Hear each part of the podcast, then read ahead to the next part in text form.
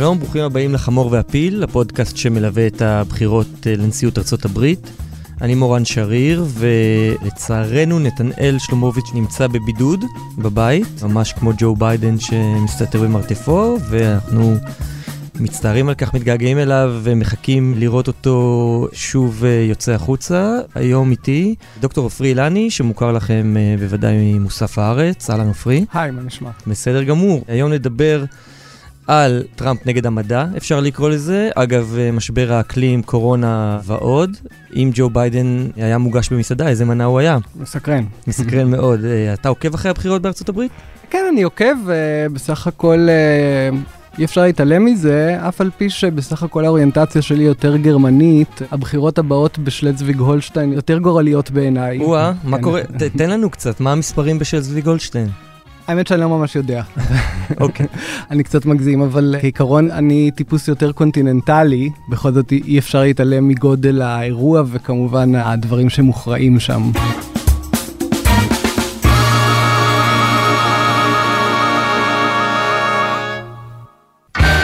איך אתה רואה את הבחירות בארצות הברית דרך עיניים, נקרא לזה, שמסתכלות מצד הקונטיננט? מבחינה פוליטית, אז אני חושב שיש הבדל מאוד גדול אה, בין ארצות הברית לבין אירופה, שמתבטא מאוד עכשיו במשבר הזה של הקורונה. בגרמניה, בברלין, היו בשבועות האחרונים אה, הפגנות גדולות אה, של מתנגדי הסגר, מתנגדי האמצעים של הבידוד לבלימת הקורונה. וההפגנות האלה, אפשר היה לראות בהן תופעה פוליטית, אפשר לומר, חדשה, של מעין קואליציה מוזרה של אנשי ימין, אפילו ימין קיצוני, יחד עם אנשי אה, שמאל.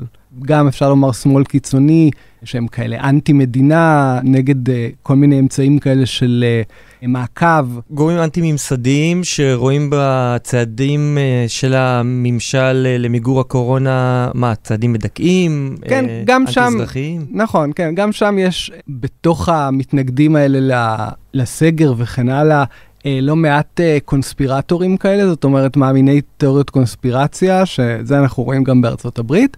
אבל לא רק. מה שנראה לי מאוד מייחד את הסיטואציה בארצות הברית, זה שההתייחסות לקורונה היא ממש ממש מקוטבת מבחינה פוליטית. כלומר, חד משמעית, אנשים שתומכים בטראמפ הם מאוד ספקנים כלפי הקורונה. כן, הם טוענים שזה פגיעה בזכויות האזרח שלהם, אה, לא לצאת מהבתים, לא להתגודד, וכמובן לשים מסכות. כן, אז יש באמת את העימות הזה בין מאסקרס לאנטי מאסקרס, כן, מסכה הפכה להיות ממש uh, מעין דגל. זה ו... דיכוי. כן, ומצד שני, hey, יש כאלה שאומרים, אנחנו רואים כל כך הרבה אנשים עם מסכות, זה סימן שביידן הולך לנצח. ולהפך, אולי. אבל מה שמעניין מהבחינה הזאת, עניין שהוא לכאורה לא ממש קשור ישירות לוויכוח הפוליטי, כלומר, האם הנגיף הזה הוא, הוא מסוכן או לא מסוכן, מתארגן באופן אה, לגמרי מפלגתי ופוליטי, בצורה שהיא נעשית אה, כמעט אבסורדית, כי בסך הכל באותו אופן שבו האוהדים של טראמפ נעשים, אפשר לומר, יותר ויותר ספקנים כלפי הקורונה, גם כשהמספרים הם בסך הכל מאוד מאוד גבוהים בארצות הברית של המתים, אז גם המחנה, אפשר לומר, הליברלי, עם הנטייה הדמוקרטית, נוטה אולי, אולי להגזים בעוצמת האיום, ליצור איזשהו סוג של פאניקה, מה שלדעתי אפשר לראות אפילו על עמודי העיתון המכובד ניו יורק טיימס. failing ניו יורק טיימס, כמו שטראמפ קורא לו. אתה טוען מה, שיש פה ממש ניצול פוליטי של המגפה הזאת? אני חושב שהם, uh, בסיקור שלהם של המגפה, הם מאוד מאוד מדגישים דברים, uh, אפשר לומר, יותר אלרמיסטיים, ולעומת זאת, uh, מחקרים שאולי קצת יותר מרגיעים, זוכים לפחות הבלטה. אצלם. כן, וטראמפ עצמו הוא קצת uh, משחק על שני המגרשים, רוב הזמן הוא הקטין מאוד את המגפה, ניסה להגיד שזה uh, תופעה שולית שתמוגר uh, עד האביב, דברים שנחשפו עכשיו בשיחות uh, שהוא קיים עם בוב וודוורד, שפורסמו בספר שלו, שזה כרגע כותרות uh, אדירות בארצות הברית, ובואו נשמע רגע את ההקלטה של השיחה של וודוורד uh, עם טראמפ. This is more deadly. This is five per you know, this is 5% versus 1% and less than 1%. You know, so this is deadly stuff. Well, I think, Bob, really, to be honest with you. Sure, I want you to. I be. wanted to. Uh, I wanted to always play it down. I still like playing it down. Yes, sir. Because I don't want to create a panic. שמענו עכשיו את טראמפ מודה שהוא ניסה להקטין בציבור את חומרת המגפה. כמובן שהדבר הזה מעורר סערה מאוד גדולה בארצות הברית. אגב, כועסים מאוד גם על וודוורד שהוא חשף רק עכשיו את השיחה הזאת, התקיימה לפני חודשים, טוענים שאנשים מתו בגלל שהמידע הזה לא נחשף לציבור. בעיניי זה קצת bullshit, אני לא יודע מה היה משתנה בטיפול אם היו יודעים. אני חושב שכועסים פשוט שהיה פה חומר נגד טראמפ שלא נחשף מוקדם יותר, והוא במקום פשוט להגיד, מה אכפת לי, אני שמרתי את זה לספר שלי, הוא התחיל להצטדק ולמצוא כל מיני uh, סיבות למה הוא חיכה עם הפרסום הזה. בכל מקרה, טראמפ מבין שהמגפה הזאת היא לא קטנה כמו שהוא מנסה להציג אותה, היא פוגעת בהרבה מדינות, בניגוד לשלב המוקדם יותר, שזה פגע בצפון מערב ארה"ב mm-hmm. ובניו יורק, שזה לא מדינות שלו. יש המון מוקדים באריזונה, בפלורידה, בטקסס, בג'ורג'יה, זה הקהל שלו, והוא שבהתחלה גם סירב לעטות מסכה והציג את המסכה כסמל לפחדנות, הוא עכשיו משחק משחק שונה, למרות שהשבוע הוא קיים עצרת בחירות בנבדה באולם סגור אה, מלא באלפי אנשים. Mm-hmm. אפשר לומר שמבחינה הזאת אה, נתניהו מאוד שונה מטראמפ, כי נתניהו בכל זאת מוביל את הטיפול בקורונה, כולל עכשיו הטלת סגר נוסף. וגם אצלנו בישראל התמיכה בצעדים נגד הקורונה לא כל כך מתחלקת, אני חושב, באופן מפלגתי, ואולי זה יתרון. כי אתה לפחות יכול לגבש איזושהי עמדה עצמאית או עניינית, בכפוף למצב ולאופן שבו אתה רואה אותו, לעומת הברית, שבו העניין של עטיית מסכה ובכלל היחס לקורונה הפך להיות שוב ממש ממש דגל שלכפור בו זה, אפשר לומר, מגרש אותך מהמחנה שבו אתה נמצא. וגם בנושא הזה שהוא על פניו לא מפלגתי, כל אחד מתיישר לפי המחנה שלו, וכל כלי תקשורת מציג את המציאות, מתווך את המציאות לפי העמדה שלו, אם זה Fox News או אם זה CNN שהוא מאוד אנטי-טראמפי, אז uh, מציג את ה, גם את הקורונה באופן אחר, וכל אחד בעצם מתייחס לזה לפי השיוך המפלגתי שלו. בדיוק. ואני חושב שזה מאוד מתאר את אמריקה של היום, של עידן טראמפ, אבל זה לא רק באשמתו כמובן, שכל נושא שקיים, גם אם הוא לא מבוסס על uh, ערכים או הבדלים בהשקפת עולם, או באידיאולוגיה הפוליטית. פוליטית-חברתית. אם זה הדואר בארצות הברית, או הקורונה, או משבר האקלים, שזה כמובן נושא סופר מפלגתי, שהשבוע איכשהו חזר לכותרות, למרות שהוא בכלל לא נכח במערכת הבחירות הזאת. אז זהו, אז נכון, אני מסכים איתך שמשבר האקלים, הוא מדגים את העובדה ש... אנחנו רואים כאן מעין מאבק בין שתי תפיסות שונות לגמרי שהעולם, כאילו שיש הבדל כמעט ברמה שאנשים חווים את המציאות אה, מבחינה חושית. מה שבאמת קרה השבוע זה גל שריפות שהוא שוב חסר תקדים בחוף המערבי של ארצות הברית, בעיקר בקליפורניה, אבל גם באורנגון, וושינגטון. בקיץ שעבר היו כבר שריפות אה, בקנה מידה עצום בקליפורניה, אנחנו זוכרים את זה. השנה, כמובן, כל הדיבור על משבר האקלים קצת נדחק על ידי הקורונה, או אפילו מאוד נדחק, כי פתאום היה איום הרבה יותר מיידי, והעולם נעצר בגלל uh, נושא שהוא בעצם אחר. זה היה נושא מאוד מאוד חם. לפני משהו כמו שנה, אגב, גרטה וכל הדיון הגלובלי על הדבר הזה, וכמובן גם שני הצדדים בארצות הברית עסקו בזה מאוד, כל אחד בצד שלו. אני מסכים שהנושא נדחק לחלוטין לגמרי. מאז הקורונה. כן, לגמרי נדחק, חוץ משוב בכלי תקשורת מאוד מאוד ליברליים, אה, בכל מיני מקומות בעולם וגם בארצות הברית, שעדיין אה, פרסמו פה ושם דברים, אבל אפשר היה להרגיש שרמת העניין בזה ירדה באופן חד. אבל פשוט מה שקורה עכשיו, שאנחנו באמת רואים קטסטרופה עצומה, שהיא מאוד מאוד מורגשת. ראינו את התמונות הגיהנומיות האלה מסן פרנסיסקו, והגרדיאן הבריטי הכריז על זה שהעתיד הוא כבר כאן. כלומר, אנחנו בעצם נמצאים כבר בתוך. הקטסטרופה הזאת שאותה תיארו לנו במשך שנים, של מה שהולך לקרות בהשפעת שינוי האקלים. כשצריך לומר מה בעצם הקשר, הקשר הוא שהקיץ נעשה הרבה יותר חם, עשבים מתייבשים, אין גשם או רוח ש, שתבלום את השריפות, ואז בעצם מתרחשות שריפות באמת חסרות תקדים uh, בגודל שלהם, ש, שנחוות כדבר מאוד אפוקליפטי במקומות שבהם הם קרו, ויגרמו כנראה גם לתנועה של אוכלוסייה אפילו. זאת אומרת, אנשים שחיים באורגון, באזורים מיוערים או בקליפורניה, זה כבר בהחלט משפיע על החיים שלהם, שהקיץ הופך להיות uh, סרט אימה. השאלה אם האסון הזה, שהוא באמת מאוד מוחשי, הוא אסון שמצטלם באופן מרהיב, מרהיב mm-hmm. במובן הרע כמובן כן. של, של המילה, אה, מיליוני דונמים נשרפו, נכון לרגע שאנחנו מדברים, משהו כמו 35, לפחות 35 אנשים נהרגו, ויש כן. צילומים, ובאמת זה מאוד מוחשי. השאלה היא אם יש דרך להעביר לציבור את הקשר בין הנושא הזה, שהוא נשמע מאוד מופשט, של התחממות mm-hmm. גלובלית, של שינויי אקלים, שאולי קשה להוכיח אותו, או להציג את הראיות האלה לציבור, והאם אפשר לקשר בינו לבין התמונות האלה וההשפעה המיידית שכמובן משפיעה על כל תושבי mm-hmm. כרגע מערב ארה"ב. כן. אני רק אגיד, סקר uh, מכון פיו מלפני כשבועיים, שבדק מה הנושאים שחשובים לאזרחי ארה"ב בבואם להצביע, אז מתוך 12 נושאים, האקלים הוא מקום 11. וואו. כן, כן. האחרון זה הפלות, שפעם היה נושא מאוד חם, כן. וכרגע לא מדברים עליו בכלל, אולי בגלל שהמועמד הרפובליקאי אחראי בעצמו כנראה להרבה הפלות בחייו כן. האישיים, ומעדיפים לא להעלות את הנושא הזה, אבל אקלים הוא ממש נדחק אה, אחורה, כשהנושאים המובילים זה כלכלה, בריאות וקורונה. כן, ועוד ארצות הברית היא מקום שיחסית יש בו איזשהו דיון לא מועט על הנושא, אה, למשל יותר מאשר כאן אצלנו, אבל באמת, נושא שינוי האקלים הוא נושא מסובך לתיווך, כי אין כאן אויב, יש כאן איזשהו גז בלתי נראה, ואומנם זה מתבטא באותן קטסטרופות, כמו סופות טרופיות, שגם מתרחשות עכשיו בקנה מידה עצום, ושריפות. אבל הסיבתיות כאן היא לא כזאת אה, ברורה. ויותר מכך, אני אגיד לך, שגם המשמעות של בחירה או של החלטה פוליטית כאן היא לא כל כך פשוטה. ואני אתן לך דוגמה. ג'ו ביידן, הוא נמצא כמובן במחנה שמאוד מאוד מזוהה עם המאבק לכאורה בשינוי האקלים, כן? ובדברים שהוא אמר בעקבות השרפות בקליפורניה, הוא הציג את התמונה כאילו שאם יבחרו בו, אז משהו ישתנה, לא יהיו שריפות כאלה.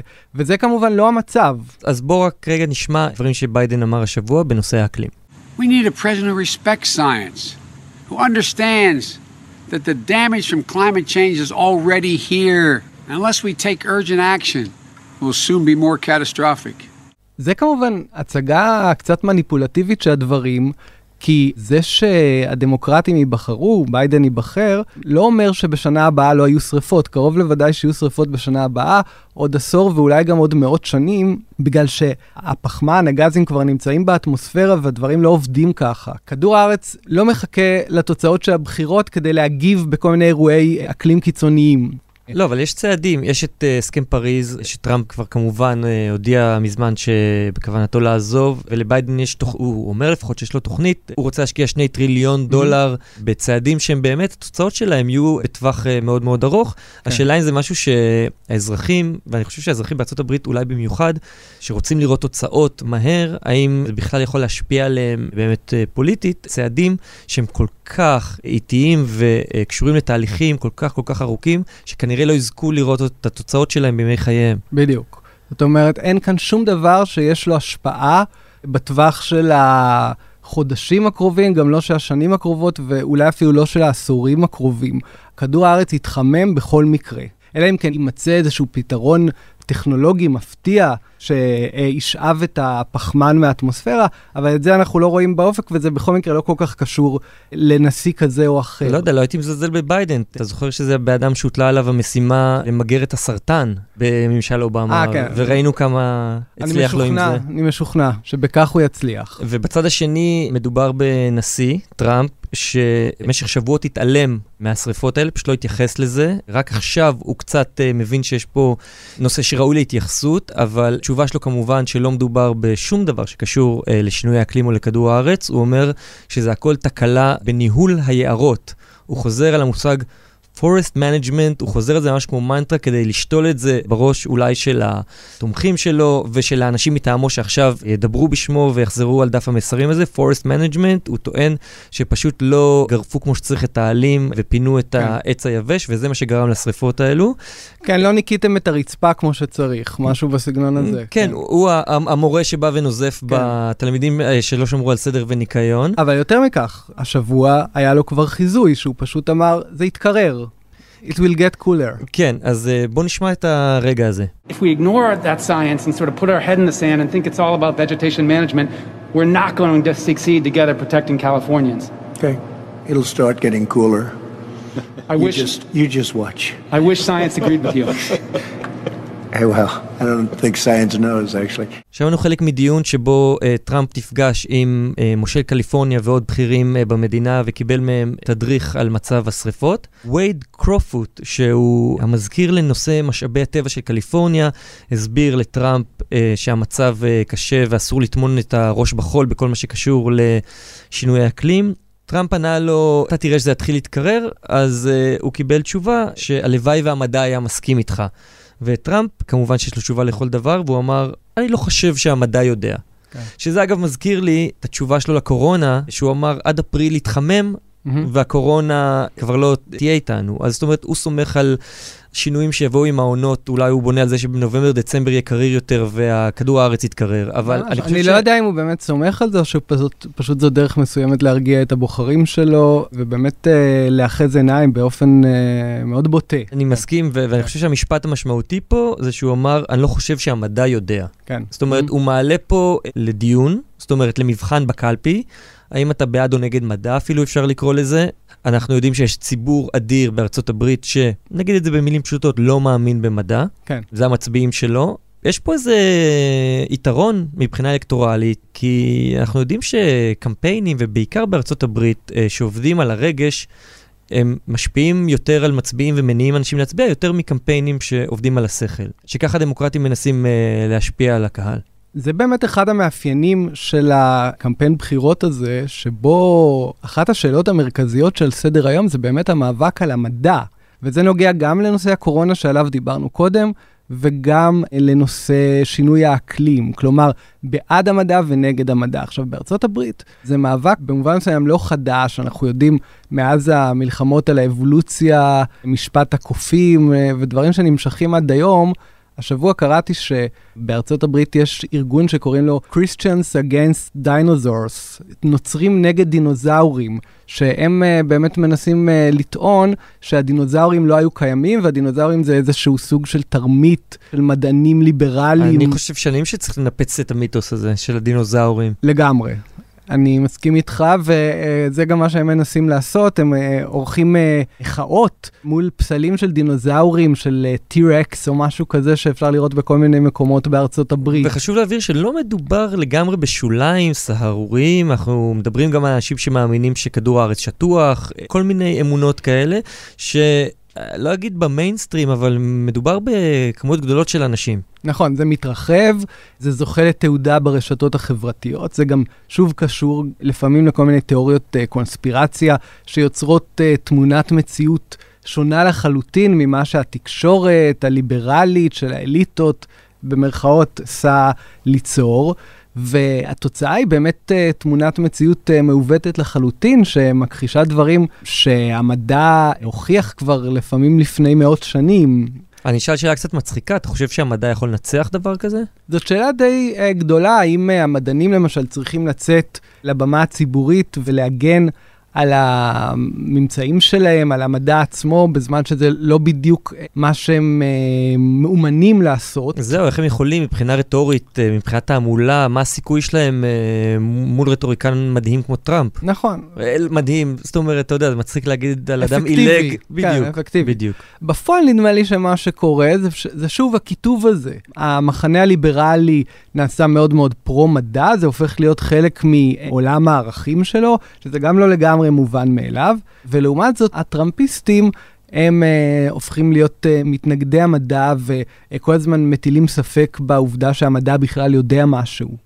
והדמוקרטים נמצאים בעמדה בעייתית, כי מצד אחד הם כמובן מצדדים במדע, מטבע הדברים, אבל לא בטוח שזו עמדה שמושכת קהלים. וכשראינו את ביידן נותן נאום השבוע על נושא האקלים, אנחנו כבר מבינים שזה לא נושא שמדבר לקהל הרחב. אולי הוא מזהה שכן, אולי הוא מזהה שהשריפות אולי עושות איזה שינוי אצל האנשים, אבל נשמע שזה יותר נושא שמדליק את ה base שלו. מאשר מביא אליו uh, קהלים מתנדנדים, שזה, אם זה נכון, זה סימן לא טוב לקמפיין שלו. יותר מכך, נדמה לי שזה גם לא הנושא שהכי מעסיק אותו. בסך הכל, הוא אדם ששייך לדור יותר ותיק, שהסוגיה הייתה הרבה פחות מרכזית. הוא לא מזוהה עם המאבק הזה בשום אופן. לא, ממש לא. אמנם היו כמה ניסיונות חקיקה שהוא עשה בעבר בתחום הזה, זאת אומרת, הוא לא לחלוטין חף מכל התמצאות בזה, אבל בסך הכל הוא בכלל בכלל לא מזוהה עם זה. כל מה שהוא מסמן הוא מזוהה איתו, זה משהו אחר לגמרי, אם יש בכלל משהו שהוא מזוהה איתו. אם בכל זאת היית חייב להגיד, אפילו לסיום, עם מה הוא מזוהה? אז זהו, אז באמת הייתי אומר שביידן הוא איזה טיפוס כזה קצת חסר טעם וריח. אה, הייתי מגדיר אותו כמשהו שקצת מזכיר איזה מעין אה, קישור, איזה מנה תוספת כזאת, אבל לא כל כך את המנה העיקרית. בעניין כמו קמפיין בחירות. כאילו במשך שנים הוא היה אה, מנה תוספת של המפלגה הדמוקרטית, כשאחרים היו המנה העיקרית, ועכשיו הם נתקעו עם אה, קישור, או במקרה הטוב איזה כף של פירה, שאמורה להשביע אותם. נחיה ונראה. לא מעורר תיאבון ולא משביע. כן. תודה, דוקטור עופרי אילני. תודה לך. ואנחנו נהיה פה בשבוע הבא, נמשיך לעקוב אחרי הבחירות, ונשתמע.